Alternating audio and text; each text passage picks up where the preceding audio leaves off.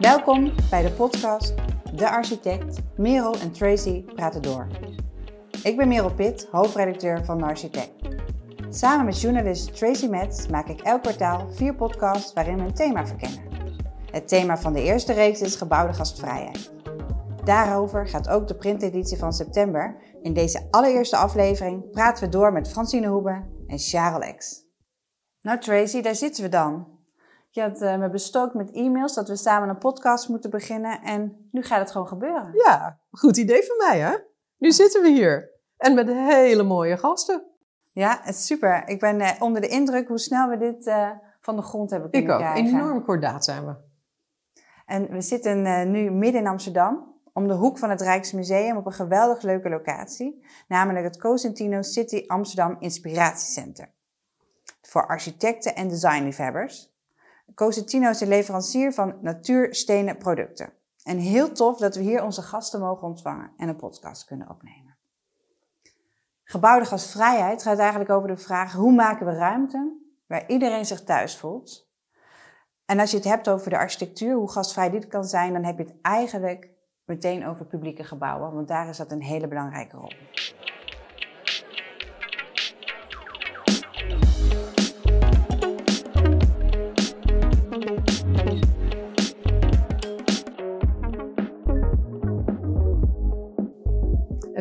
Hele mooie gasten vandaag.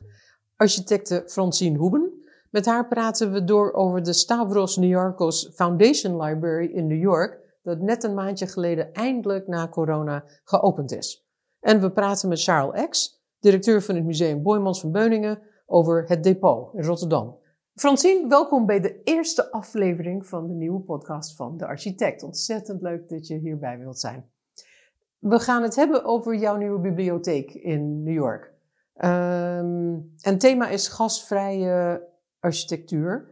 Ik ben benieuwd, die bibliotheek, het was een warenhuis die sinds 1980 bibliotheek is. Drukste filiaal van alle 88 in New York.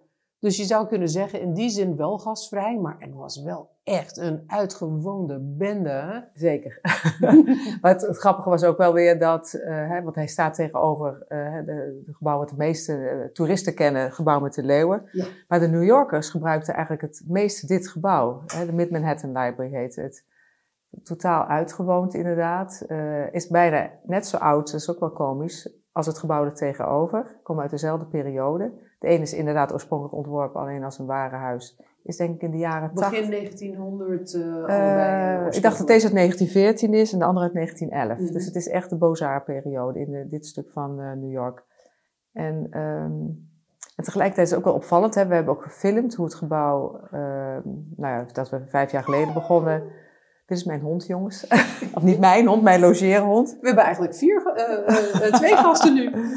En um, het, het, grappige is ook, wat je zei, wat maakt je nou een gastvrij huis? Want je, je wil dat de mensen erheen komen. En um, eigenlijk gebeurde dat wel. Ondanks dat het zo uitgewoond was, was het eigenlijk toch een hele drukke bibliotheek. Um, en het grappige is dat het nu is, of het opmerkelijk, hè, want je zegt, well, het is nu geopend, maar er zit nog bijna geen kip, want heel Mid-Manhattan is nog leeg.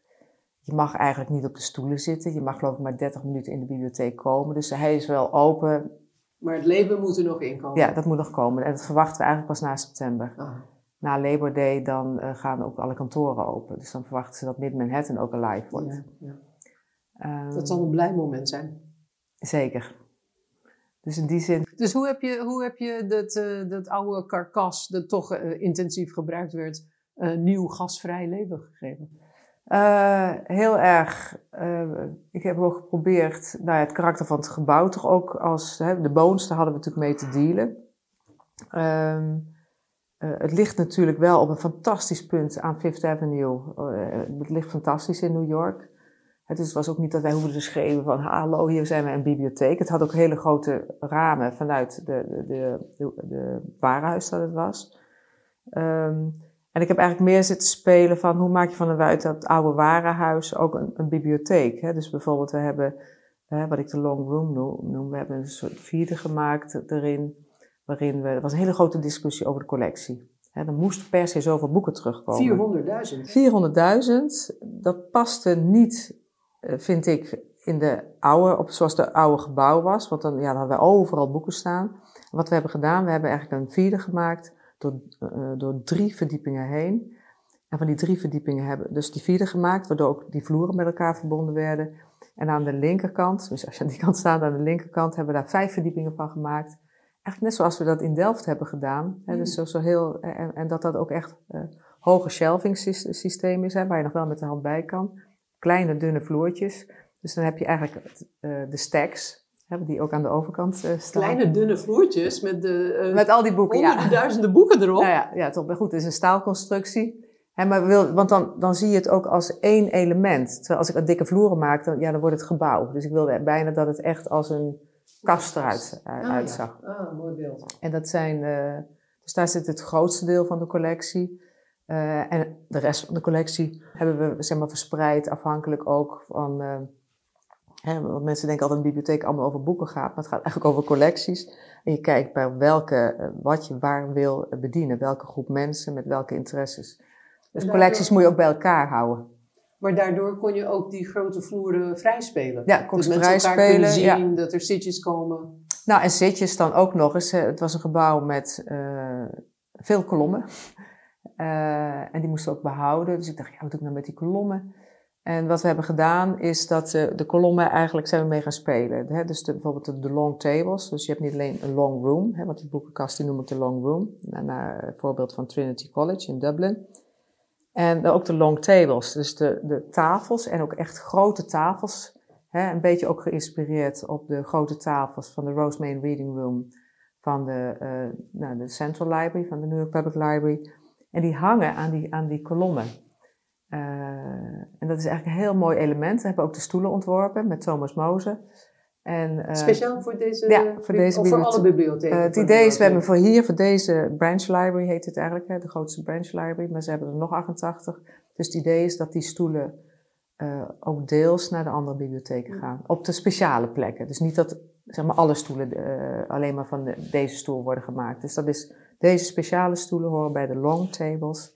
Terwijl we zeg maar de hele parapherme, dat je het, ja, zitten langs de gevel hebben we ook veel gemaakt. Nou, dat zijn andere stoelen.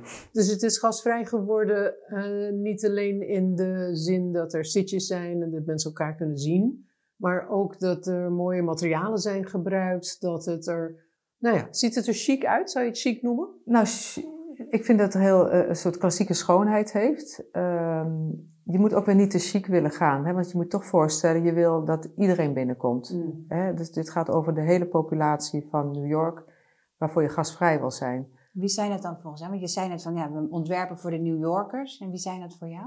Uh, nou ja, de New York is natuurlijk heel belangrijk dat dat echt een, uh, de melting pot is. Ja. Um, ik bedoel, je kan ook zien, het is ook leuk als je over de Mid-Manhattan Library hebt, dat ook mensen die nu reageren op het ontwerp, echt waanzinnig enthousiaste reacties op het ontwerp of op ook nu het klaar is. Er, er zitten studenten, er zitten homeless, er zitten kinderen nu, de kinderen zaten eerst aan de overkant. Um, er, er, zitten mensen te studeren, dus het is toch... Oh, uh, daklozen noem je, hè? Want bijvoorbeeld... Uh, dat is in heel Amerika zo, dat uh, in de bibliotheken de daklozen oh, ook zitten.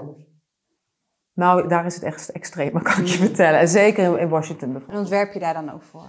Uh, Rem Koolhaas heeft in zijn bibliotheek in Seattle speciaal douches gemaakt voor de daklozen. Ja, ja bij ons zit het er ook in. Maar op zich, waar, uh, uh, waar het veel groter speelde, want we hebben ook de bibliotheek van Washington ontworpen, de Martin Luther King Memorial Library, die, de grand opening is in september.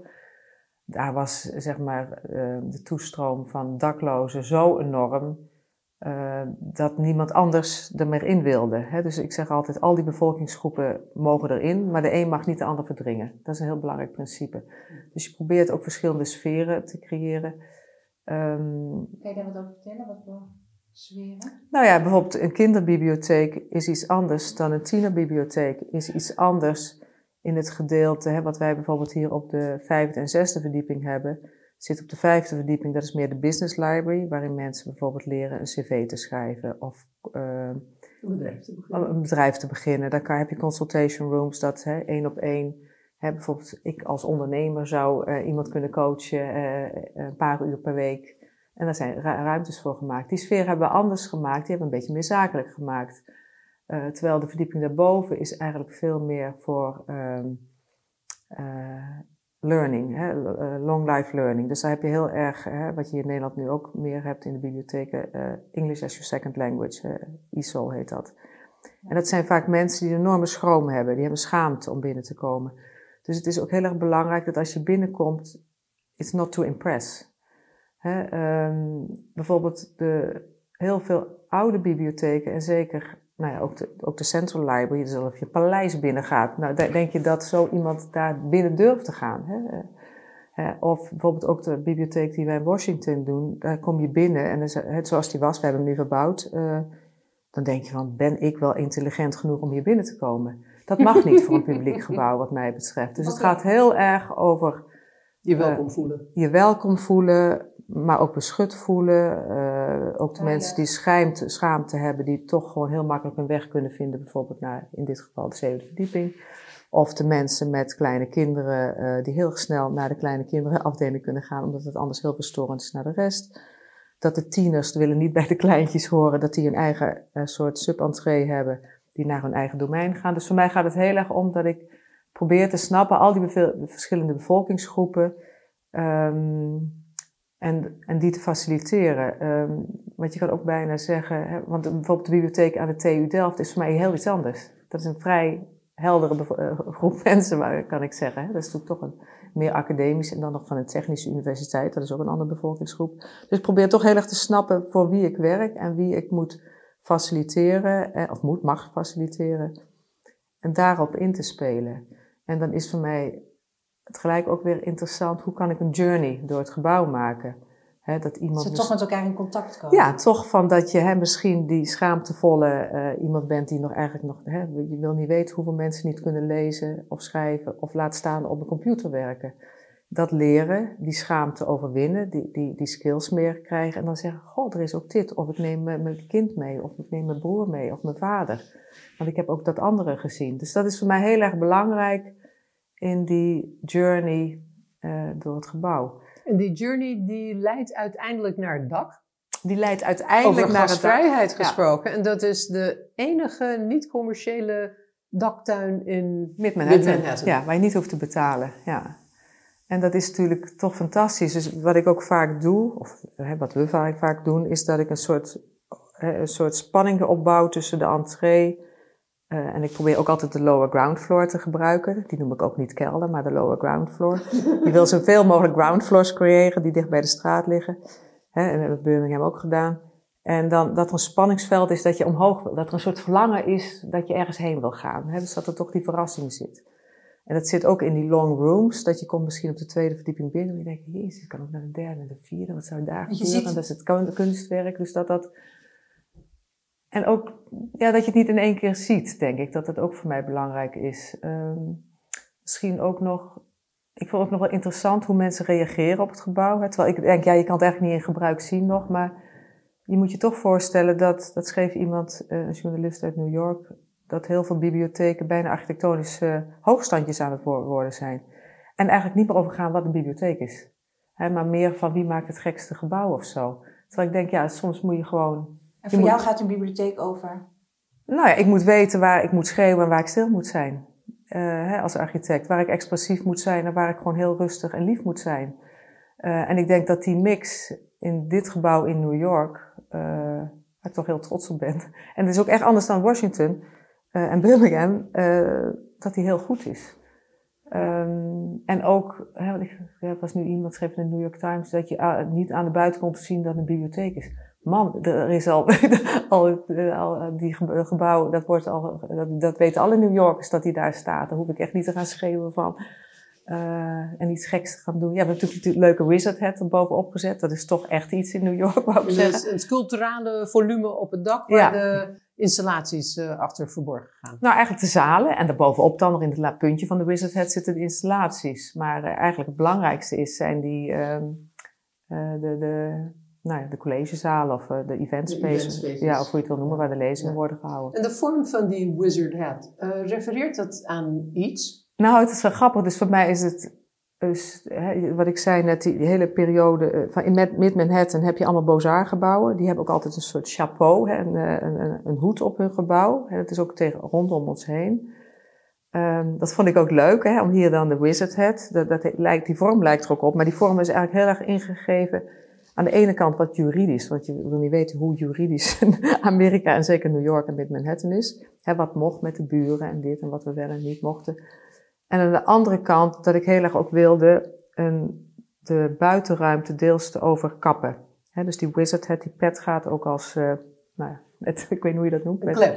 Ja, met klep er helemaal omheen zodat je, ik de, dat we de gevel van binnen ook heel glazig konden maken. Maar dan heb je tenminste niet te veel zon en ook uh, niet te veel regen dat binnenkomt.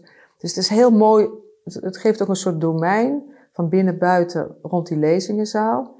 En tegelijkertijd hebben we hem ook opgetild, zodat je over de parapet, het rand van de, ja, de daklijst, de kroonlijst van het oude uh, Beaux-Arts-gebouw, met hun klassieke orde kan kijken. En daardoor ligt het publieke terras iets lager, maar daardoor definieer je ook heel erg wat de publieke route is. En die verstoren dan weer niet de mensen in de lezingenzalen. En er zit ook nog een secret garden op het oude niveau. Dus ja, het zit gewoon, ja, het zit gewoon goed en mooi in elkaar, vind ik. Het is wel bijzonder dat Meccano als buitenlands bureau deze prijsvraag heeft gewonnen. Want uh, dat is in Amerika niet zo gebruikelijk. En dat uh, kwam mede doordat jij het vertrouwen hebt gewonnen door verschillende bibliotheken te ontwerpen als Library Whisperer. Ja, ik werd daar de library. Nou, dat is wel goed, want het was uh, zeer politiek gevoelig, dit gebouw. Hè? Want wij doen de beide gebouwen. Deze is nu geopend, maar we doen beide gebouwen. En met de beide gebouwen bedoel je de Central Library? De Central Library. Dus het is één campus en wij doen uh, beide gebouwen. En, en, met de leeuwen met de prachtige namen ja. Patience and Fortitude. Ja, ja. Omdat president Roosevelt vond in de jaren dertig dat, dat de deugden waren die de New Yorkers nodig hadden om de economische crisis door te komen. Ja. Leuk hè? Die zijn ook mooi symbolisch nu bij, natuurlijk met deze met, corona, met de pandemie. Um, ja, dat was denk ik heel bijzonder. Uh, zij beelden, hè, Norma Foster had natuurlijk deze opdracht, die is daar uh, van afgehaald. Uh, en dat heeft. ik dacht dat je daar niks over mocht zeggen. Daar mag ik ook niks over zeggen, maar hij is, dat kan je in de kranten lezen, dat hij er is afgehaald. en toen hebben ze een nieuwe selectie gedaan. ook besloten dat ze beide gebouwen zouden doen. Wat ik denk een hele goede beslissing is geweest. En uh, nou, heeft natuurlijk iedereen op, uh, was een longlist, shortlist. Nou, uiteindelijk zijn wij uh, overgebleven. En dat is, denk ik, voor New York dat ze weer een buitenlander namen. En natuurlijk werken wij samen met BBB, hè, een local partner die de restauratie. Bij Blinderbel. Ja, bij Blinderbel. En, um, maar ze hadden, nou je moet toch niet vergeten, wij hadden al een gebouw in Boston gemaakt, wat ook een publiek gebouw is, semi-publiek gebouw. We, we, deden, we werkten al twee jaar op dat moment aan de bibliotheek van uh, Washington, wat toen al uh, het voorlopig ontwerp, het definitief ontwerp denk ik ook af was. Um, ik kende New York goed. Mijn broer woonde daar vroeger. Ik ben, altijd heel, ik ben altijd heel veel in Amerika geweest. Dus in mijn leven ja. klopt het ook. Ja, en ik wist gewoon alles van bibliotheken. Ik, ik voelde mij zeer uh, op mijn plek daar. Vis in het water. Ja, dat was gewoon, en ook op mijn bureau zei God veel zien, durf je dat? Ja, weet je, ik dacht van ik kan dit. Ja, dat klinkt misschien heel arrogant, maar ik kom al sinds 1976 in New York. Uh, een soort tweede thuis. Ja, het is een soort tweede thuis. En uh, nou ja, en, uh, en ik had ook al idee hoe het moest. En, en ja, dat, en ze zijn ook wel eerst naar Nederland gekomen en nou, ook naar Washington komen kijken. Natuurlijk met al onze opdrachtgevers gebeld uh, hoe het is met ons te werken. Nou, de opdrachtgevers zijn ons allemaal super uh, blij met ons. Ze zeiden niet begin daar. Nee, echt niet. En nou ja, dat is natuurlijk toch iets. Je, je, moet toch voorstellen, en dan wou ik toch ook even tegen de architecten zijn. Van, um, hè, dus, dat is ook wel leuk dat uh, Tony Marks, Marks is, president of New York Public Library, die zegt ook van, ja, she's a star architect, but she doesn't behave like that. Hè, dus je hebt natuurlijk toch een, een soort traditie hebt, dat als je, nou ja, we zijn natuurlijk toch enigszins beroemd, wou ik zeggen, dat je dan altijd over budget gaat en allemaal dingen doet die de opdrachtgever niet wil.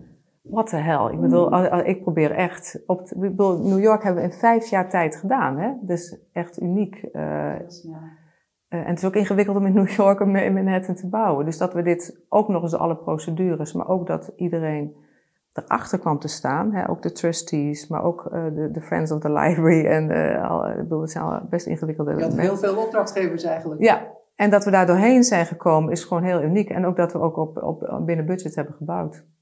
En vervolgens hebben ze ook nog een waanzinnige sponsor gevonden. Dus nou... Ik was wel benieuwd. Uh, het heet niet meer de Mid-Manhattan Public Library. Ja. Het heet nu de Stavros Niarchos Foundation Library. Heeft al dat private geld uh, ook uh, invloed gehad op het ontwerp?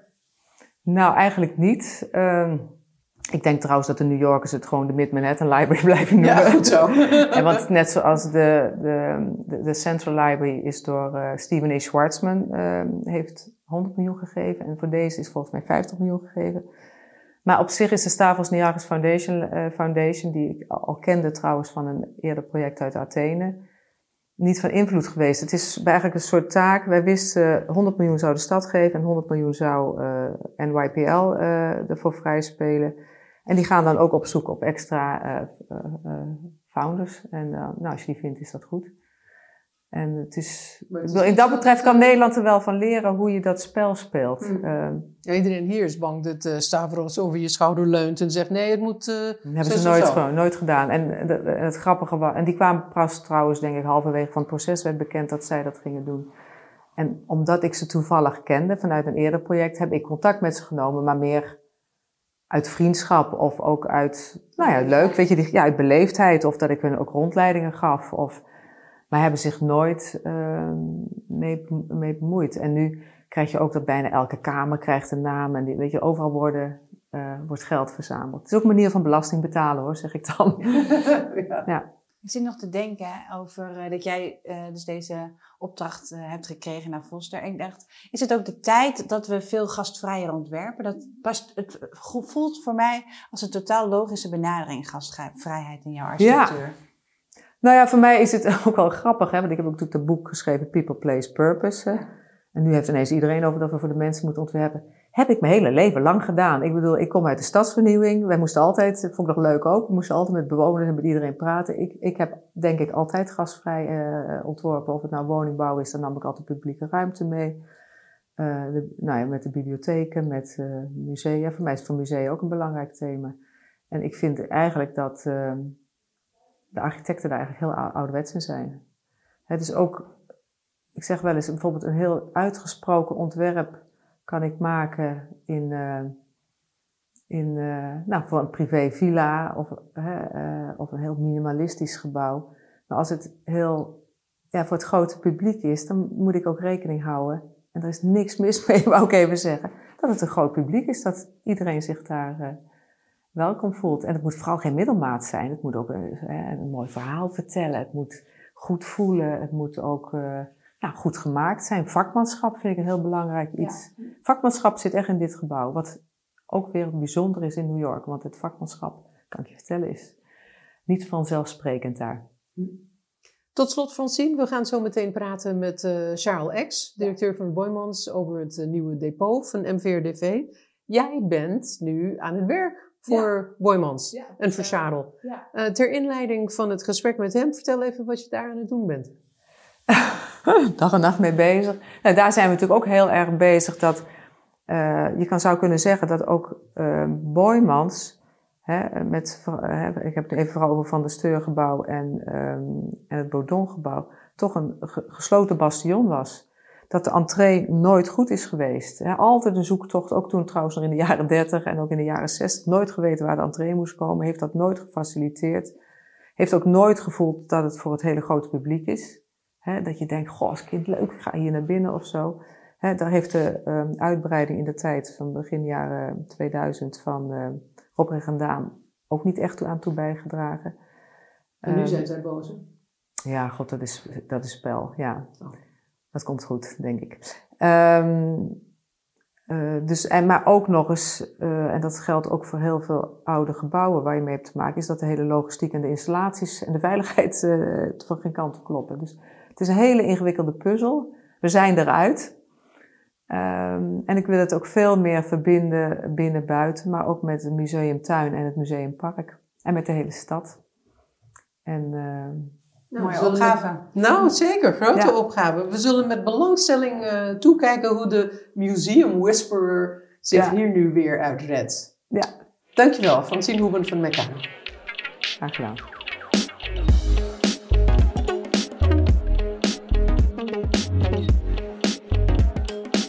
Nou, nu zijn we bij onze tweede gast aanbeland, Charles X, directeur van het Boymans van Beuningen. Welkom. Dankjewel. Momenteel is het museum dicht, want je werkt uh, met onze vorige gast Francine Hoebe aan de verbouwing ervan. Herken je haar aanpak uh, die ze heeft gebruikt bij de bibliotheek in het ontwerp voor de verbouwing van het museum? Ja, helemaal. Ja. Het was natuurlijk uh, in de jurering al heel duidelijk wat haar, wat haar aanvliegroute is. Je zou kunnen zeggen dat als een van de spreekwoorden van de architectuur is form, form follows function, dan is het bij haar is het form follows people. En ze is heel sociaal en ze heeft een heel mooi verhaal verteld eigenlijk rondom het park, alsof ze dat verkende. En vervolgens zag wat voor gebouwen rondom het park goed konden floreren. Ze kwam eigenlijk gewoon helemaal uit het gebruik met haar architectuur. En de architectuur ontwikkelt zich nog steeds. Maar het gebruik van het park staat voorop. En natuurlijk van het museum en alles eromheen. Ik vond het een hele mooie, ik vind het een hele sociale en goede manier om in die gekke omgeving iets te doen. Ja, ik heb ook het gevoel dat haar uh, aanpak heel erg landt op dit moment. Dat de tijdsgeest ook er heel erg naar is. Maar als we het over dat museumpark hebben, het depot is een van de belangrijkste gebouwen daar natuurlijk in. En uh, daarmee stelt het Boymans van Beuningen het eerste depot ter wereld. Uh, um, ja, uh, dat je dat publiek toegankelijk stelt. Ja. Dat, dat um, het is een behoorlijk kwetsbaar programma. Met veel kostbare stukken en ook nog niet zo weinig ook. Ik las uh, 151.000. Het lijkt me geen eenvoudige opgave. Maar wat bedoel je met een kwetsbaar programma?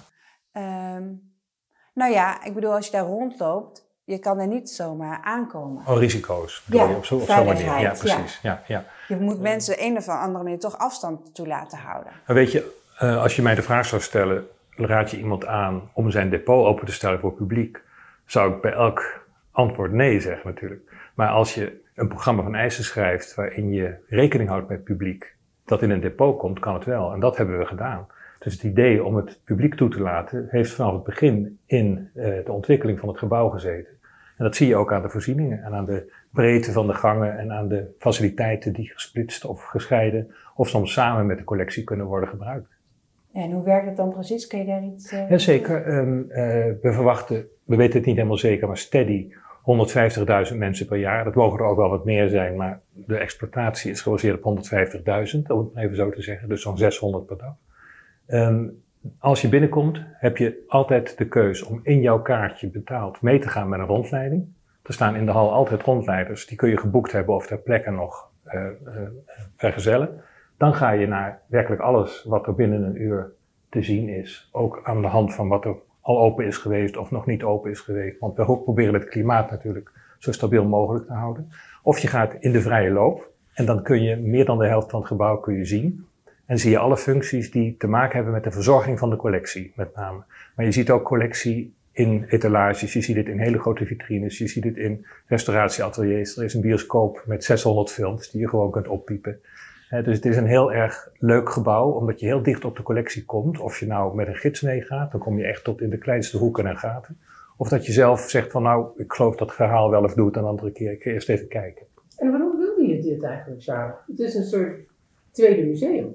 Nou, dat, dat zou ik zelf altijd blijven ontkennen dat het een museum is. Maar er is wel veel te zien. Maar um, uh, omdat ik vind dat uh, musea veel transparanter kunnen zijn over hun bedrijf. En dat heb ik ook. Mijn eerste tentoonstelling was Goed uit Utrecht. In, uh, oh, wat was dat voor jaar? 1988 of 89, toen ik begon. Mijn museale carrière. Dat heb ik letterlijk alles, iedereen heb ik gewoon opengesteld. De kasten, de dozen opengemaakt. Het hele personeel gefotografeerd en gefetteerd. En als een onderdeel van het, van, het, van het parcours laten zien. Het gaat altijd over de drie dingen. Het gaat over je gebouw, het gaat over je mensen, het gaat over je programma. En als je die drie ideaal combineert, heb je uh, de synergie van de drie ook op de beste plek. Kun je daar het meeste uithalen. En is het nou toeval dat het goed uitkomt dat het depot er is, terwijl het hoofdgebouw van het museum ligt? Uh, nee, dat is geen toeval, want we hadden gehoopt dat we het, uh, het hoofdgebouw nog zeker twee, drie jaar hadden kunnen gebruiken. We wisten dat het sleets was en dat het obsoleet werd en dat de, dat, lekkages, afschrijvingen die al lang voltooid waren en noem maar op. Dus we hadden niet gehoopt dat het, uh, dat het zo snel zou gaan sluiten. Dat is eigenlijk een verplichting geweest die vanuit de brandweer werd opgelegd. Er werden ook op een gegeven moment ongelukken werden er geregistreerd waarvan je zegt van nou het moet niet in een museum. Maar we hadden het liefst hadden we de, het verschil tussen depot en museum hadden we nog een paar jaar willen laten zien. Om ook te voorkomen dat het depot een soort van erzats hè, of een soort van vervangingsmuseum zou worden. En dat verschil, je maakt geen tentoonstellingen. We maken wel tentoonstellingen. Ook in is, dus in depot. Kijk, we hebben gezegd wat is het programma van eisen van een depot dat perfect is voor de verzorging van de collectie. Nou, dat is bijvoorbeeld alles wat ik net noemde, maar ook een paar tentoonstellingszalen. Omdat we natuurlijk, zeg Walter de Maria, eh, zeg eh, John Bok, zeg eh, Paul McCarthy, eh gaandeweg, hebben we staan 175 jaar, installaties hebben verzameld die we gekocht hebben puur uit passie, omdat het zo geweldig was. En vervolgens nooit meer konden laten zien, omdat er altijd weer een tentoonstelling stond. Dus we dachten, we maken een paar grote ruimtes, eentje van 900 en twee van 300, die ook in dat gebouw zitten, waar je je installaties een jaar kunt laten staan. Of waarin je dingen kunt doen die uit het depot voortkomen. Een onderzoek, een restauratie het openbaar, het opbouwen van een installatie. Het is dus zeer gerelateerd aan werken in depot. Dus als je alle mensen zou fotograferen nu die eraan gaan werken, straks met het depot erbij, dan heb je een veel groter eh, bestand aan mensen. De, de helft van wat, je, eh, wat een museum doet is nooit zichtbaar. Nee. En het zit achter de schermen. We zijn eigenlijk een ijsberg. Als je, als je de, de, de, het depot hè, is eigenlijk de maatbeker van de collectie. Dat zat allemaal onder de grond. Volgens mij is het erger dan een ijsberg. Het zat zelfs in vijf depots onder de grond. Kan echt niet meer. Maar bovendien, het is ontzettend interessant. Want ja, je kunt natuurlijk je alles laten uitleggen over een voorwerp of een object.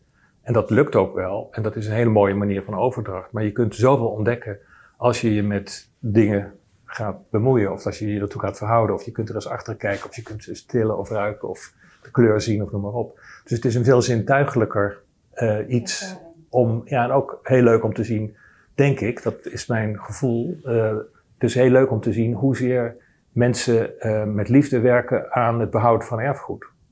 Het zijn mooie beroepen hè, die we doen, hè, object cleanen en, en het transporteren. Eh, het is net een pas de deux. Twee arthandlers die een schilderij verplaatsen. Of dat nou een schilderij is van, van 150 euro of van 400 miljoen. Gaat altijd op dezelfde manier. Heel stil, heel langzaam elkaar aankijken.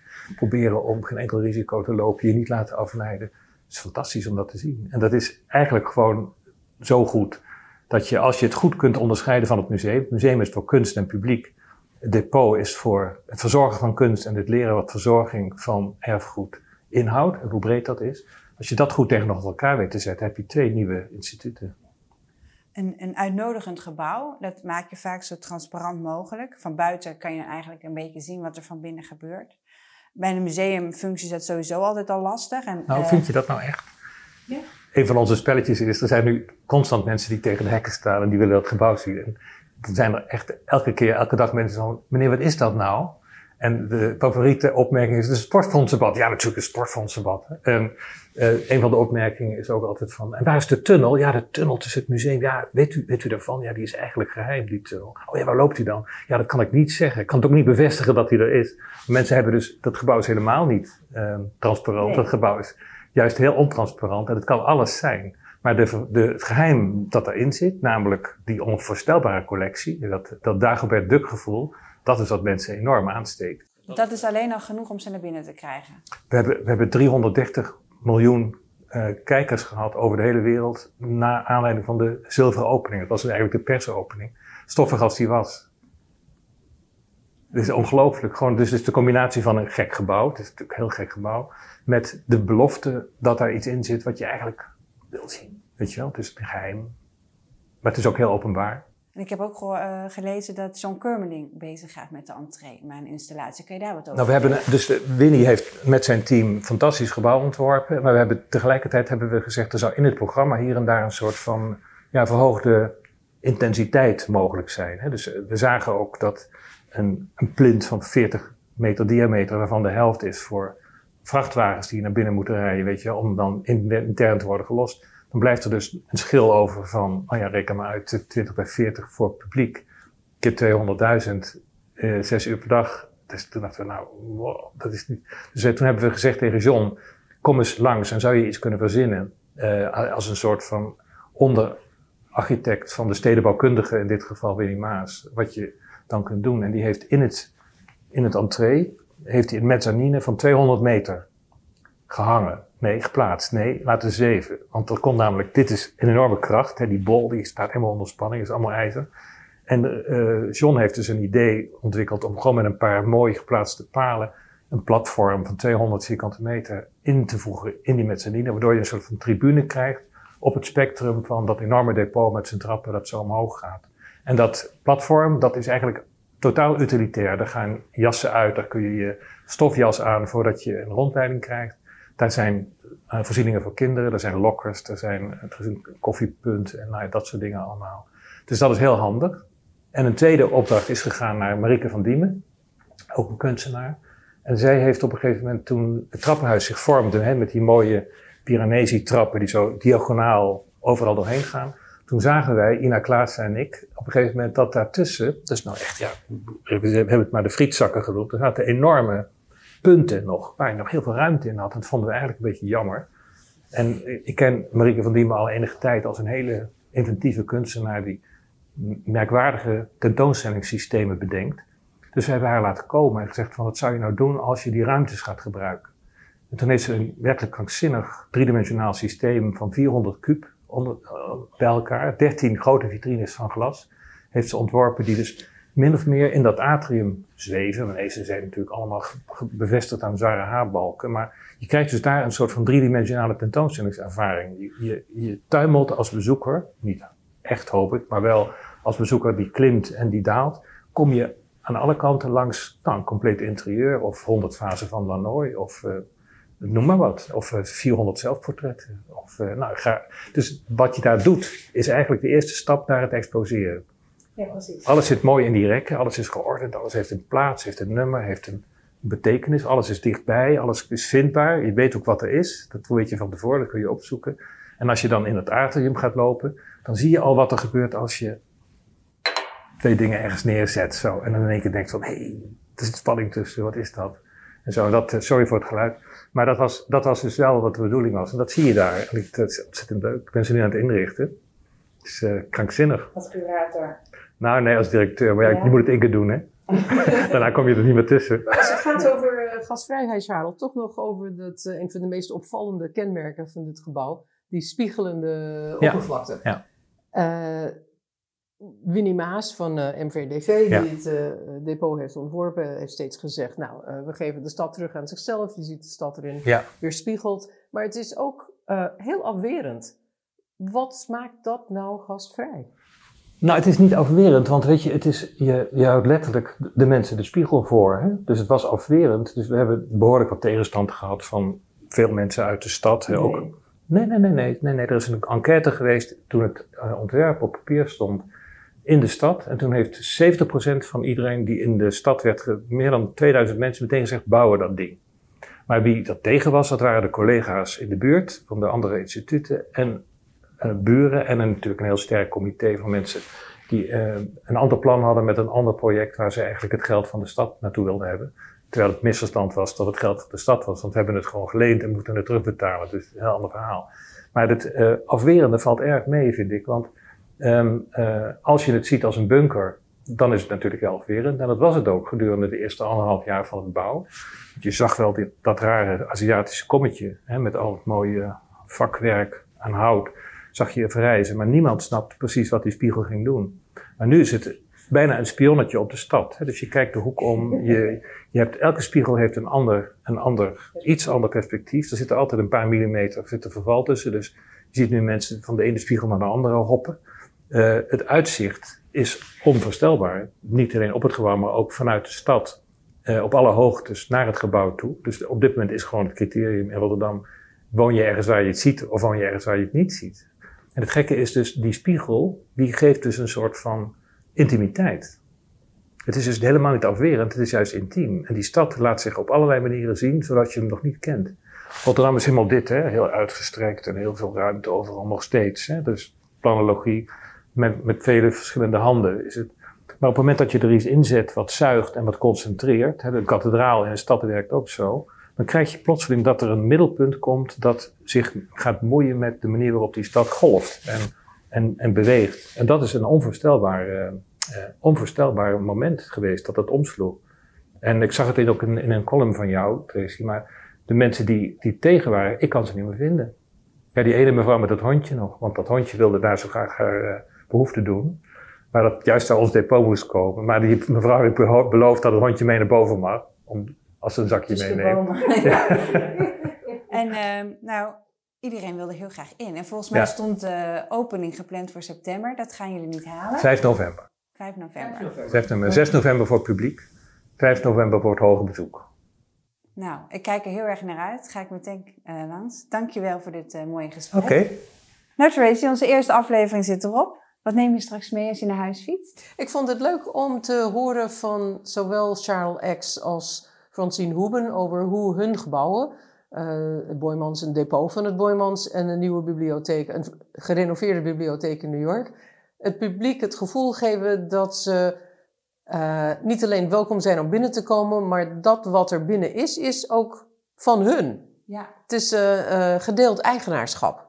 Ze kunnen daar ook, ja, ze hebben daar een bestemming. Ze kunnen daar ook hun richting in bepalen, hè? wat ze daar willen doen. En wat, je daar, wat het publiek daar dan ziet, is niet alleen van hun, maar ook voor hun. Dus echt gastvrij op een hele fundamentele manier. Ja, en dat vond ik ook zo mooi in het gesprek met Francine.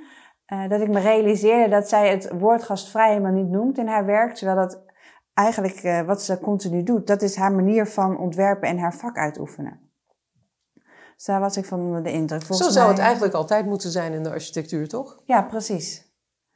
De volgende podcast uh, gaat over gebouwde gastvrijheid in de stedenbouw. En daarover spreken we met Floor van Ditshuizen, architect en ontwerpend onderzoeker en blogger op Instagram als Public Space Detective, toch? Ja, ja klopt. Goeie naam, leuk. We leggen haar de vraag voor hoe gastvrij de openbare ruimte in Rotterdam eigenlijk is. En we spreken ook met Tess Broekmans, stedenbouwkundige en partner bij Oerhaan. En zij vertelt ons alles over de veranderingen in de binnenstad van Assen. Volgende week zijn we wederom te gast in het Cosentino City Amsterdam Inspiratiecenter. Ik kijk er naar uit. Ik, Ik hoop, uh, ja, jullie ook en ook onze luisteraars. Hou social media en de nieuwsbrief in de gaten voor de volgende afleveringen.